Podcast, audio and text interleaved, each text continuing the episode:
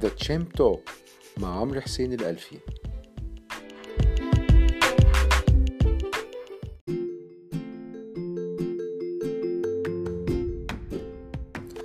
بسم الله الرحمن الرحيم. أهلا بيكم في حلقة جديدة من برنامج أسبوعي The Champ Talk معكم عمرو حسين الألفي من Market Champ.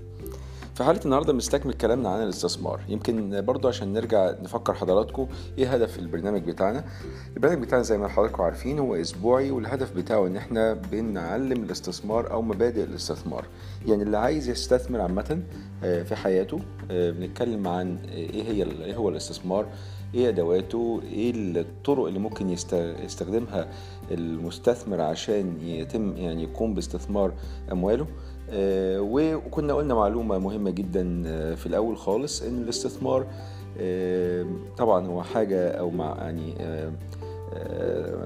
عملية طويلة الأجل ما بتنتهيش من بعد ما بشتري السهم أو ببيع السهم أو بشتري السند أو ببيعه أو بحط فلوسي في البنك أو باخد العائد بتاعي منها. لا هي عملية طويلة الأجل بتبتدي منذ منذ الصغر وحتى الكبر. طيب هو الحاجة النقطة التانية اللي قلناها له مهمة جدا؟ يعني عشان أبتدي استثمار أنا محتاج فلوس قد إيه على الأقل؟ قلنا إنه أي حد ممكن يبتدي استثمار. مش لازم يكون في حد أدنى للأموال ولا حد أقصى أنت لازم تبتدي. يعني يعني you have to start somewhere. لازم تبتدي في وقت ما في حتة معينة. بس قبل ما نتكلم على تفاصيل أكتر ونرد على أسئلة ال- ال- ال- السادة المستمعين آه، بخصوص الاستثمار بنحب نتكلم عن آه، تعريف ال long-term investor في بعض الأحيان بنلاقي إن الناس يتكلموا عن الاستثمار يقول لك ده مستثمر طويل الأجل وده مستثمر قصير الأجل. وده مستثمر متوسط الأجل. تمام؟ آه، إحنا عندنا نوعين وكذا نوع. عندنا آه، مستثمر وعندنا متداول وعندنا مضارب. عندنا انواع كتيرة من الناس اللي بيتداولوا في السوق آه، كل واحد ليه وجهة نظره. إحنا بنتكلم على long-term investor يعني متوسط يعني مستثمر طويل الأجل. يمكن المعلومة تحس إن هي واضحة كده وبتشرح نفسها إن ده مستثمر وبيستثمر لفترة طويلة. السؤال هو فترة طويلة قد إيه؟ by definition أو بالتعريف إحنا بنقول المستثمر هو المفروض استثماره يبقى طويل الأجل مش إن هو بيتداول آه، على قصير الأجل لأن هو في الآخر اسمه مستثمر. فكلمة استثمار زي زي ما قلنا قبل كده إن هي آه، على المدى الطويل. ما ينفعش نقول ده مستثمر قصير الأجل وده مستثمر طويل الأجل. لأن الاستثمار بتعريفه زي ما قلنا قبل كده إن هو تعريفه استثمار على المدى الطويل. فما ينفعش أقول مستثمر طويل الأجل ومستثمر قصير الأجل. المستثمر قصير الأجل ده مش مستثمر. ده اكشلي أو حقيقه هو متداول أو مضارب تمام؟ آه، بيلعب على ترند آه، بيبيع ويشتري كل يوم كل أسبوع كل ثلاثة أيام كل أسبوعين. ده مش مستثمر لأنه بيغير رأيه كل شوية والرأي هنا تغييره مش حاجة سلبية بالعكس. ده عدم وجود متداولين وعدم وجود مضاربين في السوق هيخلي السوق غير كفء.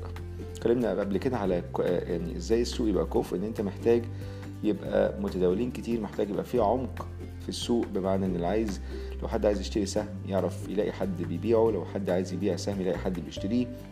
مبيبقاش فيه فريكشن أو معوقات بتقابلك في التداولات إن أنت لما تيجي تبيع سهم تضطر تنزل بالسهم أو بسعر السهم بنسبة كبيرة علشان تقدر تبيعه أو لو عايز تشتري السهم تضطر ترفع السهم أو تعرض سعر أو تطلب سعر يعني كبير علشان تقدر تشتريه. كل الكلام دوت بيبقى بيأثر على سلب بسلبية أو بيأثر على كفاءة السوق. في بعض الأحيان بنلاقي في الأسواق الغير آه، مت- متطورة أو غير متقدمة اللي بنسميها الأسواق الناشئة أو الأسواق المبتدئة بتلاقي بعض الأسهم اللي هي عليها سيولة ضعيفة بتلاقي الفرق ما بين الطلب والعرض كبير جدا. وممكن تلاقي الطلب ب 10 جنيه والعرض ب 11 جنيه. انت لو عايز تشتري انت هتشتري على 11 لو عايز تبيع هتبيع على 10 فانت لو النهارده عملت التداول ده في لحظتها دلوقتي وكمان في شوية عايز تعمل العملية العكسية يعني النهارده لو انت اشتريت السهم هتشتري ب 11 طب لو عايز تبيعه هتبيعه ب 10 تخيل لو ال- ال- السعر النهارده السهم هو فعلا فضل ما بين 10 11 10 11 الناس اللي بتطلب بتطلب ب 10 والناس اللي بتعرض بتعرض ب 11 وانت عايز تشتري فهتشتري من مين؟ هتشتري من الناس اللي بتعرض اللي هي بتعرض ب 11 فيبقى انت اشتريت السهم النهارده ب 11 كمان شوية انت عايز بقى تبيع. فانت هتبيع بكام؟ هتبص على السوق تلاقي الناس اللي بتطلب بتطلب ب 10 والناس اللي بتعرض بتعرض ب 11 فانت عايز تبيع فهتبيع للي بيطلب. اللي بيطلب بكام؟ بيطلب ب 10 يبقى انت اشتريت السهم ب 11 في أول يوم وفي آخر يوم هتبيعه ب 10 أنت كده اكشلي خسرت. أنت خسرت الجنيه دوت. ليه؟ لأن السوق غير كفء. السوق ما بيتحركش. السوق ما فيهوش عمق. آه، الفرق ما بين سعر الطلب وأفضل سعر للطلب وأفضل سعر للعرض اللي هو بنسميه السبريد بيد اسك سبريد فرق واسع. فده بالتالي بيخلي المستثمر أو اللي بيبيع ويشتري بقى مش هنقول كلمة مستثمر دلوقتي لأنه أي حد بيبيع ويشتري ده آه، بغض النظر يعني هو مستثمر ولا متداول ولا مضارب بيخليه يخسر. فبالتالي السوق ما فيهوش عمق. فنرجع تاني نقول المستثمر هو طويل الأجل by definition مش عايزين نقول ده مستثمر طويل الأجل وده مستثمر قصير الأجل. أنا مستثمر يبقى بتكلم long-term على طول خلاص. لو أنا آه، متداول معروف إن هو short-term لو أنا مضارب ده بقى يعني ممكن يتداول النهارده ممكن يتداول كمان يومين ممكن يتداول على أوقات معينة في وقت النتائج الشركات وقت الأخبار الاستحواذات والاندماجات. اتكلمنا الحلقة اللي فاتت عن إزاي القيمه العادله بتتحقق وإن انها بتتحقق لما بيحصل كذا حاجة. من ضمنهم حاجتين اتكلمنا عليهم اللي هو عروض الاندماجات والاستحواذات وعروض ال spin-offs أو تقسيم الشركات. كل الكلام دوت ممكن يخلق لك يخلق لك قيمة وتقدر تدور عليها. ففي ناس بعض المضاربين بيتداولوا على الحتة ديت. وادينا أمثلة وأقربها آه، عروض شراء بتحصل إن أنت هيتم شراء سهم في السوق بسعر معين فأنت بتقول والله ممكن أحط فلوس النهارده في السهم دوت على أساس إن عرض الشراء ده بضارب عليه إن هو يتنفذ فعلا واخد واكسب فيه مثلا premium 5% 10% whatever بقى السهم السعر المعروض إيه مقارنة بسعر السوق اللي أنت هتشتري بيه. في أول حاجة. طيب الحاجة الثانية اللي هو الاستثمار عامة أنا عايز أبتدي بقى. أنا خلاص أنا قريت ودرست وعرفت فئات الأصول المختلفة إذا كانت اسهم سندات سلع آه، عقارات آه، فلوس كاش في الودايع في البنك آه، عندك حاجات كتيرة جدا أدوات مختلفة ممكن تبيع وتشتري فيها عملات مؤخرا بقى في بيتكوين والعملات المشفرة. طب أستثمر إزاي؟ خلينا نمشيها خطوة خطوة. زي ما بيقولوا يعني ما ينفعش يعني تجري قبل ما تمشي وما ينفعش تمشي قبل ما تحبي. فخلينا نحبي مع بعض كده عشان نقدر بعد كده نمشي بعد كده نقدر نجري ونسابق ونخش السبق زي ما بنقول. اللي هو بالنسبة لنا هو السوق. السوق في, في الآخر هو كأنه سبق وأنت بتحاول تكسب وتحاول تمسك أعصابك وتحاول إن أنت تبقى آه، يعني ملتزم وعندك انضباط علشان في الآخر هو ده اللي هيكسبك. زي ماتش الكورة بالظبط عشان أنت في مسابقة. أنت محتاج تبقى آه، أعصابك هادية محتاج تاخد قرارات آه، عقلانية. ممكن تاخد قرارات خاطئة مفيش مشكلة. واكيد تبقى عارف من الأول إن أنت هتحط فلوسك في السوق أنت هتعمل قرارات صحيحة وهتعمل قرارات خاطئة. هي الفكرة عدد القرارات الصحيحة قد إيه؟ وعدد القرارات الخاطئة قد إيه؟ وارد برضو إن القرارات الخاطئة بتاعتك ممكن تبقى عددها أكبر من أو أكتر من عدد عدد القرارات الصحيحة. مفيش مشكلة برضو. إزاي مفيش مشكلة؟ طالما إن القرارات الصحيحة اللي هي عددها ممكن يكون قليل بتدي لك عائد أعلى بكتير من الخسائر اللي أنت ممكن تكون تكبدتها من قراراتك الخاطئة اللي هي ممكن تكون أكثر بكثير. فاحنا الفكرة بالعبره برضو بنحاول قد ما نقدر طبعا نعمل قرارات إيجابية أحسن من القرارات السلبية ولكن العبره برضو مش بالعدد العبره بالكيف أو يعني مش بالكم هي بالكيف. أنت عملت إيه في القرارات اللي أنت خدتها؟ لو أنت خدت قرارات صحيحة طب كسبت فيها قد إيه؟ لو أنت خدت قرارات خاطئة طب أنت خسرت فيها قد إيه؟ ال risk reward ratio. ودي حاجة الحقيقة من آه، تجربة شخصية. لو في discipline أو في انضباط في حتة الاستثمار وإن أنت تخرج أو تقرر لما تخسر تيجي تخسر في استثمار أنت قرار خدته وتلاقي نفسك بتخسر ما تكبرش تاخد القرار أنا هخرج خلاص هخرج بالخسائر بتاعتي واستنى وأتابع. طب أنا أنا خسرت كده إزاي أخرج؟ عادي هتخرج وتوقف خسائرك stop loss بنسميها وتتابع برضو كل اللي أنت عملته لما أنت تستثمر أو تشتري أسهم أو كده إحنا طبعا هنتكلم عن اسهم عشان دي فئة الاصول الأسهل إن أنت تقدر تشتري وتبيع فيها دلوقتي أونلاين. فلو أنت اشتريت سهم النهارده وخسرت فيه وخرجت طب أنا زعلت كده إزاي أخسر وبتاع؟ طب أنت خسرت بس أنت كان ممكن تخسر أكتر لو فضلت انك خدت قرار خطأ. بس بص على الحتة الجانب المضيء من الموضوع إن أنت اتعلمت حاجة اتعلمت اولا أنت درست السهم اللي أنت اشتريته مش هقول ضيعت وقت لكن استثمرت كمان وقت فيه إن أنت تعرف تفهمه. فلو خدت قرار خاطئ لقيت في ظروف السوق ممكن تخلي القرار بتاعك يبقى خاطئ. مش لازم يكون أنت قرارك نفسه كان خاطئ. يعني ممكن يكون السهم فعلا كان كويس بس الظروف ما كانتش مناسبة. فأنت اتعلمت حاجة في في العملية دي كلها. فبالتالي لما السهم ينزل تاني ويكمل نزول أو يوصل لمستوى معين أنت شايف خلاص ده كده آخره آه، بعد المعطيات الجديدة اللي جات لك في السوق. انت كده هتستخدم المعلومات اللي انت كنت خدتها قبل كده ودرستها قبل كده انك تاخد قرار جديد. فأي استثمار انت بتعمله إذا كان صحيح أو خاطئ انت بتستفيد منه. بتبني نولج تعمل يعني عملية معرفة تبني المعرفة بتاعتك قاعدة المعرفة بتاعتك علشان تقدر تستثمر بعد كده في الأسواق آه، في المستقبل. فالموضوع إن there's no يعني لوست uh, شانسز يعني. انت ضيعت لا وقت وضيعت مجهود لا بالعكس انت بتستفيد من القصة دي كلها. طب أنا عايز أستثمر دلوقتي أعمل إيه؟ اولا طبعا الاستثمار اتغير تماما من دلوقتي مقارنة دلوقتي مقارنة قبل كده تاريخيا. تاريخيا عشان تستثمر في في أسهم وكده كان موضوع صعب. أنت محتاج تكلم شركة سمساره تشوف اولا إيه شركات سمساره المتاحة اللي أنت ممكن تفتح معاها حساب. وشركة سمسارة بعض الحالات كان ممكن يقول لك والله لا ده في حد أدنى للاستثمار. هو مش حد أدنى إن أنت فعلا محتاج فلوس للاستثمار كحد أدنى. ولكن إن هو عايز هو عشان تكلفته عالية فعايز يميك شور بس إن هو بيغطي التكلفة بتاعته. فيقول لك والله حد أدنى بتاعي أنا محتاج مثلا تفتح حساب على الأقل ب ألف جنيه ب ألف جنيه. لكن طبعا دلوقتي الاستثمار ملوش حد أدنى. يعني أنت عايز تستثمر تستثمر آه في بعض الشركات بتدي لك حد أدنى للكوميشن أو العموله بس أنت لو حسبتها تقدر تشوف إيه الحد الأدنى اللي أنت كحساب تحطه عشان تكلفتك تبقى أقل تكلفة. ولكن التغير طبعا في عمليات الشراء والبيع إن زمان كان لازم تكلم البروكر بالتليفون. آه، قبل كمان ما كان البروكر في التليفون قبل ما يبقى في تليفون أصلا كان لازم تروح للبروكر انت بنفسك كان لازم تروح البورصه بنفسك وتشوف الأسهم على الشاشة. أو مش على الشاشة بقى زمان ده كان في سبورة زمان بيكتبوا عليها أسعار الأسهم. آه، دلوقتي بقى في شاشة. كان لازم تروح البورصة نفسها كمقر البورصة عشان تبيع وتشتري والسماسره بتبقى موجودة هناك في ال في ال بنسميه الكوربيه أو أو المكان بتاع البورصة. آه، طب وبعدين؟ لا دلوقتي الدنيا اتطورت. زي الإعلان كده بتاع البنك الأهلي المصري اللي كان بيتكلم على إزاي أنا بدل ما اشيل أسهم في أو فلوس في في سكيبه ده أنا دلوقتي أنا بحط فلوسي وأحطها في ورقة اللي هي الورقة المالية هي الفلوس يعني.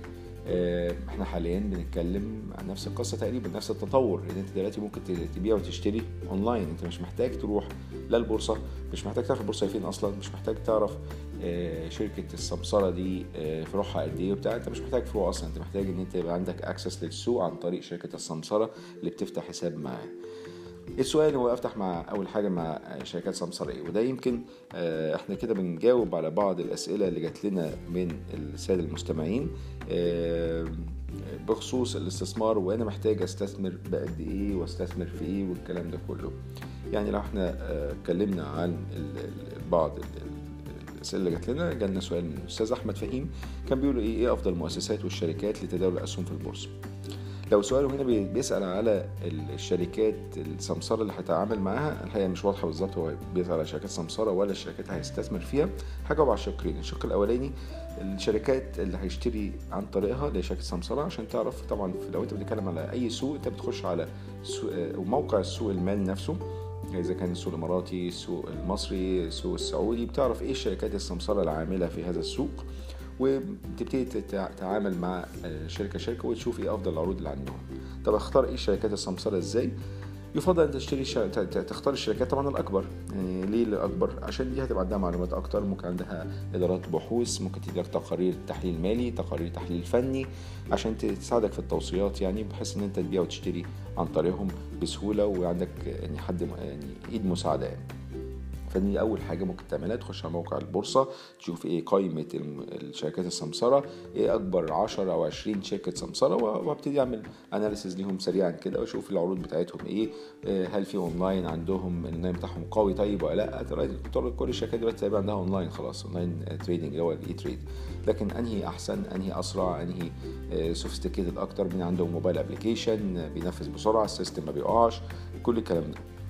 كل الكلام تاخده في اعتبارك وتقدر تبتدي تشتري أو تبيع عن طريق هذه الشركة. تبني طبعا تفتح طبعا حساب تعمل account form ممكن تبقى آه، تتعمل اونلاين وتتباعت. ممكن تروح بعد كده بنفسك تطبعها وتملاها وتروح بنفسك تقدمها لشركة سمسرة عشان تمضي قدامهم.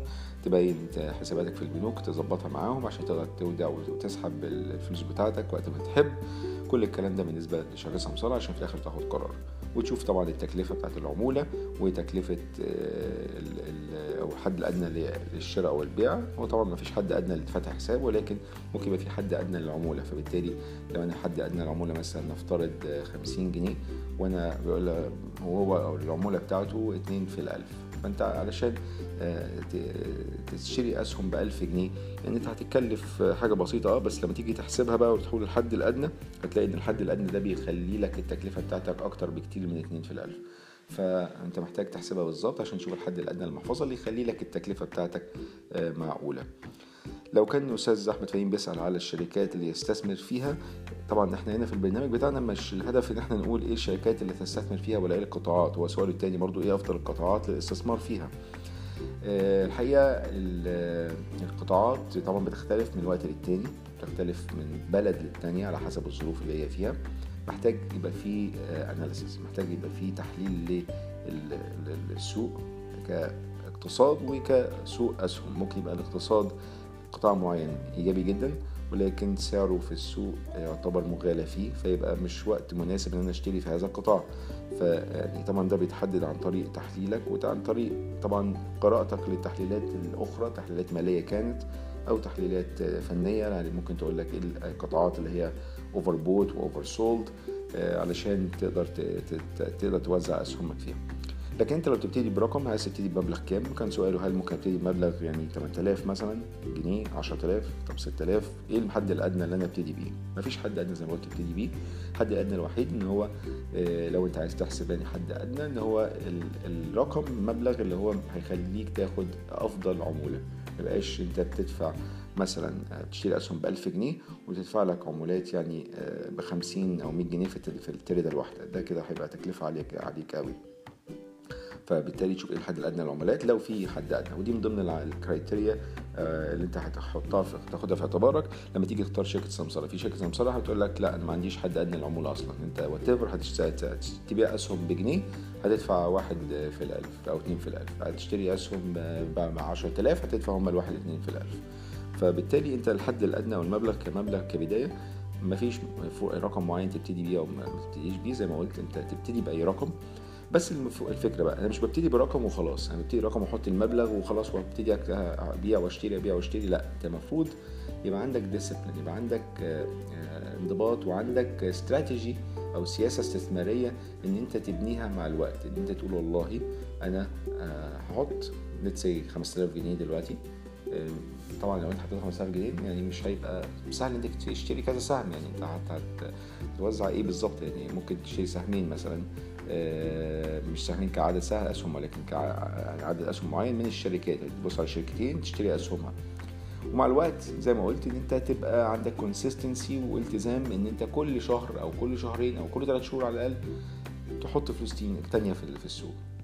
الموضوع ده إيه؟ كأنك بتحوش. أنت مثلا نفترض إن أنت آه، نفترض يعني مرتبك مثلا 5000 آه، جنيه. فأنا ابتديت بداية استثماري بالمرتب الأولاني بتاعي 5000 جنيه. طبعا ما حطيتوش كله لكن حوشت شوية وقمت حاطط المبلغ بتاعي 5000 جنيه كبدايه لو أنا كل شهر أو كل كام شهر بحط 20% من مرتبي الشهري يعني بحط مثلا 1000 جنيه كل شهر يعني ال 5000 دي هتبقى 6000 6000 هتبقى 7000 7000 هتبقى 8000 وتكبر مع الوقت. بس هو الرقم مش هيكبر بالرقم ده بس هيكبر كمان باستثمارك وقراراتك. لأن أنت لما تاخد قرار بيع وشراء وكده انت زي ما قلنا هنحاول نكسب قد ما نقدر وأي خسارة بتاعتنا هنوقفها ونعيد النظر في القرارات بتاعتنا. مع الوقت هتلاقي المبالغ بتاعتك بتزيد. طب لو أنا خدت كنت خدت قرار خاطئ أو آه، يعني دخلت في سهم والسهم نزل بيا وأنت كل شهر بتحط فلوس جديدة انت ممكن بتشتري نفس السهم تاني اللي انت شايفه ان هو نزل بطريقة غير يعني غير مبررة ومبالغ فيها فبالتالي لا بالعكس هزود وزن نسبي فيه. فانت زي ما بيقولوا بتافرج داون أو بتاخد تقلل تكلفتك أو تكلفة الاقتناء بتاعك لهذا السهم. بالعكس انت كده بت بتزود استثمارك في هذا السهم اللي انت شايفه جيد. ومع الوقت لما يبتدي يرد انت هتبقى بتكسب أكتر. لأن انت already كنت حاطط مثلا 1000 جنيه في هذا السهم دلوقتي لا انت حاطط 1000 ونص أو 2000 جنيه. فبالتالي ممكن تستفيد من طلعة أكتر لأن أنت كل شوية بتحط فلوس جديدة الفلوس الجديدة ديت كأنك بتحوشها وبتستثمرها آه، في الأسهم اللي أنت بتبص عليها وده مع الوقت تلاقي المحفظة بتاعتك بتكبر. لو ال trend overall بتاعت السوق بتطلع طبعا أنت هتبقى بتستفيد. زي ما قلنا برضو قبل كده إن هو الاستثمار مش بس إن أنت تشتري وتبيع أنت ممكن تبيع الأول بعد كده تشتري وده اللي إحنا كنا بنسميه ال short selling اللي هو البيع على المكشوف. في الأسواق العربية الحقيقة ما فيش short selling بصورة كبيرة. يمكن السوق المصري مؤخرا يعني أقر القواعد ولكن لسه لم يتم تفعيل ال short selling أو البيع المكشوف. آه، في short selling في الإمارات تم تطبيقه آه، لكن لسه برضه حجم التداولات بتاعته مش كبيرة قوي. على بعض الأسهم. آه، إحنا ال short selling في مصر لما يتم تطبيقه أنا هستفيد. أو عامة لما يكون في short selling في أي سوق هستفيد. هستفيد من إيه؟ ان عشان أكسب مش محتاج إن السوق يكون طالع. آه يعني, يعني تاريخيا بتلاقي إن السوق بيطلع في عدد سنين أكتر من عدد السنين اللي بينزلها.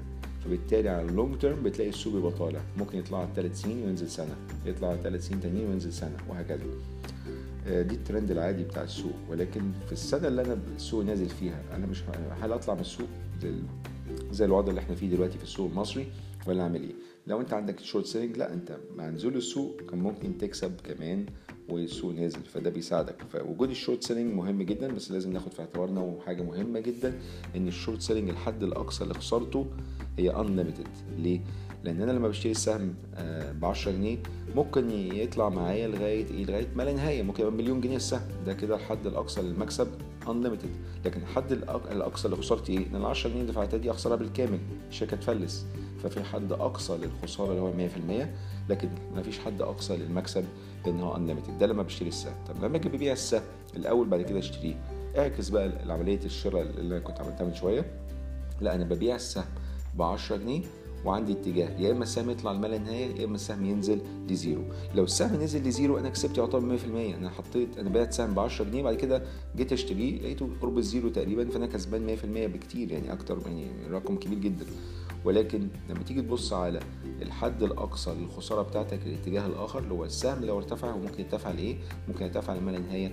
فبالتالي لما يرتفع لما لا نهاية وأنا شاري وأنا بايع السهم ب 10 لازم أشتريه بعد كده عشان أغطي ال position بتاعي. هشتريه بأكتر بكتير من 10 فأنا كده خسايري unlimited آه، يعني غير محددة.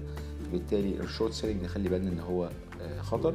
ولكن لو أنا حطيت له استراتيجي وحد أقصى للخساره زي ما أنا قلت قبل كده ال stop loss بتاعتي أنا هبقى أقدر آه، يعني أتعامل مع هذا ال short selling كان في برضو آه، سؤال آخر كان جالنا من الأستاذ مصطفى عبد العزيز عن بعض الحلقات اللي إحنا اتكلمنا عليها واتكلمنا إزاي ممكن الواحد يعني يختار الأسهم عن طريق يبص على القيمة الدفترية يبص على القيمة العادلة يبص على الربحية بتاعت الأسهم.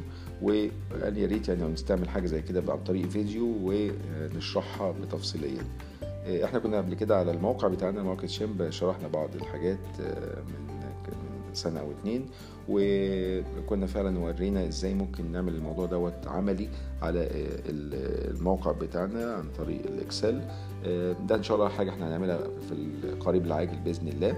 بس إحنا زي ما قلنا خلينا الأول بنغطي مواضيع الأساسية الاستثمار وبعد كده إن شاء الله هنتكلم عن إزاي ممكن تطبق الكلام ده كله عمليا بنفسك. لكن بداية علشان نبتدي نستثمر نروح نفتح حساب في شركة سمسرة. الأفضل بالنسبة لنا نحسبها كويس. ونبتدي نحط الفلوس الفلوس باسمك مش باسم حد تاني فدي فلوسك. آه انت اللي بتاخد قرارات البيع بتاخد قرارات الشراء.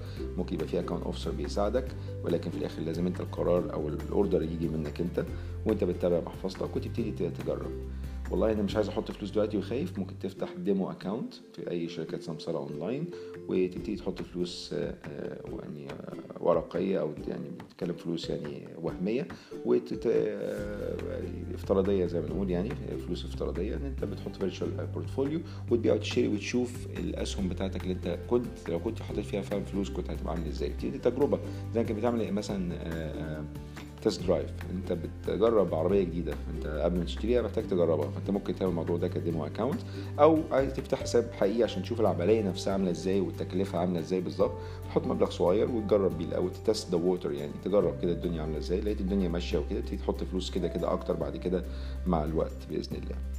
في الحلقات الجاية إن شاء الله هنتكلم أكتر عن آه، تطبيق الاستثمار وإزاي فعلا إن أنا option بالنسبة لي إن أنا أفتح حساب شركة سمساره وفي option آخر إحنا ما اتكلمناش عليه وإن أنا أفتح حساب آه، إدارة محافظ. إن أنا أفتحه مع حد تاني إن هو يدير لي المحفظة بالنيابة عني. ده option تاني برضو. هنتكلم عن إزاي ممكن نختار آه، مدير المحفظة بالنسبة لنا علشان يساعدنا برضو في عملية الاستثمار في لأن إحنا عمليه الاستثمار بتاعتنا هي عملية طويلة الأجل. بكده تكون انتهت حلقتنا الأسبوع ده. كان معاكم عمرو حسين الألفي من ماركت شامب لكم مني أرق أمنياتي والسلام عليكم ورحمة الله وبركاته.